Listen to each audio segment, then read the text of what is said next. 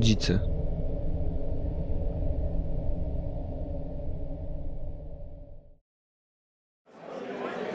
Ale ty masz pojęcie, czyje to są listy? Próbuję przekrzyczeć tłum na rynku, ale nie udaje mi się to. Starszawy sprzedawca w słomianym kapeluszu patrzy na mnie niecierpliwie. Wokół niego stoją dziesiątki, jeśli nie setki podobnych stanowisk. Plastikowy stół, na nim wszystko i nic. Mężczyzna wyraźnie obawia się, że jeśli skradną mu zbyt wiele czasu i koniec końców niczego nie kupią, być może jego stragan zostanie pominięty przez kogoś bardziej szczodrego do wydawania pieniędzy. Wokół siebie słyszę mieszankę różnych języków, choć dominuje hiszpański i jego zdeformowane odłamy. Większość mężczyzn paraduje bez górnej części odzieży pomiędzy zacienionymi stoiskami. Kobiety, w tym ja, ze względu na wciąż panujący konwenans, ograniczają się do koszul i cienkich spódnic. Choć i one przemierzają rynek w stylu, który jeszcze kilkaset lat wcześniej byłby uznawany za wyzywający. Mamy rok 2512. Znajdujemy się nad jeziorem Lago General Carrera w Chile, a ja zbieram pieniądze na bilet, dzięki któremu dostanę się na Islandię. Wiem, że 10 kilometrów dalej mieszka lokalny potentat prowadzący gorzelnię, który prywatnie jest kolekcjonerem staroci. O tym drugim fakcie niektórzy zdają się jednak zapominać, albo nie wierzą, że uda im się dotrzeć do barona i spieniężyć swe potencjalne skarby. Sprzedają więc na rynkach takich jak ten wszystko, co nie jest im potrzebne. Kiczowate obrazy, malowane przez amatorów, rękodzieły, a czasem nieświadomie coś autentycznie cennego. Na przykład listy pisane przez jednego z najważniejszych ludzi w historii. Nie mam zamiaru oszukiwać poczciwego starca, więc daję mu jeszcze jedną szansę. To jest napisane przez Gandiego. Kojarzysz Gandiego? Ciężko określić, czy handlarz po prostu mnie nie słyszy, nie mówi mu nic nazwisko Gandhi, czy może zwyczajnie kończy mu się cierpliwość. Wpatruje się we mnie poirytowany, przeżuwając coś w ustach. Zaczynam myśleć, że nawet gdybym wyłożyła mu szczegółową opowieść o znaczeniu tych pism, on i tak wyciągnąłby rękę jedynie po cenę, którą sam ustalił. Wciskam mu więc w pomarszczoną dłoń garść mocno zdewaluowanych banknotów i żegnam skinieniem głowy. Jego wzrok sugeruje, że za chwilę dla odmiany pożegnam się z głową, jeżeli będę jeszcze tu sterczała. Chcę się ewakuować.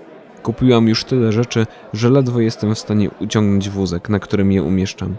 Mam zamiar wrócić do swojego drewnianego domu trzy wioski dalej raz jeszcze przejrzeć ruchomości i spróbować oszacować, jak dużo za nie dostanę i jak długo będę musiała nadal pracować, aby zafundować sobie wyjazd na południe i upragnioną wycieczkę lotniczą.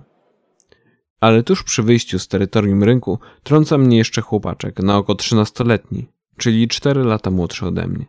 Naszyjnik, ładny, próbuję wydukać po hiszpańsku. Naszyjnik.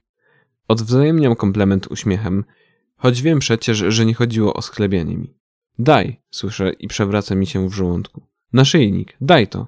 Kładę dłoń na biżuterii z zęba niedźwiedzia i robi mi się gorąco. Po tylu latach kieł jest już w fatalnym stanie. Trzyma go przy życiu głównie szkło, w którym zatopiłam go prewencyjnie na początku tysiąclecia, gdy udało mi się go odzyskać. Ale jak widać nadal przykuwa uwagę. Mogłeś sobie taki zrobić, rzucam złośliwie patrząc na braki w jego uzębieniu. Daj, nie odpuszcza. Przestaję zwracać na niego uwagę i idę w swoją stronę. Dziwka, słyszę za plecami. Suka, szmata. Widocznie w przeciwieństwie do języka urzędowego, arsenał hiszpańskich obelg dzieciak opanował do perfekcji.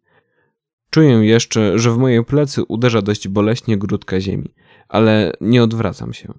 Nastolatek daje sobie spokój i za chwilę słyszę, jak zaczepia kogoś innego. W pełnym słońcu przemykam przez utwardzone drogi wzdłuż brzegu jeziora, robiąc sobie raz na kilka minut przystanek. Wózek jest naprawdę ciężki, więc nie jestem w stanie dotoczyć go do domu jednym zrywem. W końcu to ponad 7 kilometrów.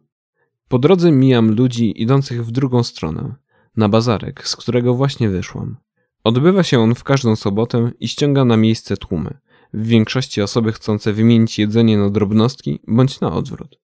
Lubię te miejsca, bo nie licząc wrednych dzieciaków wyzywających się od dziwek za to, że nie dasz im czegoś za darmo, tętni w nich atmosfera, której na Islandii już po prostu nie ma. Targowanie się, przekrzykiwanie, zapewnianie o półboskich mocach sprzedawanych artefaktów, rodziny z dziećmi, zgiełk i ploteczki, Wszystko to jest o wiele bardziej żywe niż poukładane społeczeństwo na odizolowanej wyspie. Tyle tylko, że to drugie próbuje ratować świat aktywnie, a otaczający mnie dzicy, jak zwykło się ich nazywać, pasywnie egzystują w zgodzie z planetą, która chce ich spalić na wiór. Przez setki tysięcy lat nażyłam się już tak długo, że mimo romantycznej pokusy nie mam zamiaru zostawać tutaj choćby o dzień dłużej niż jest to konieczne. Rączka, za którą ciągnę wózek, wrzyna się w moją cienką skórę na dłoniach, a słony pot powstały pod uściskiem zaczyna powodować pieczenie i swędzenie.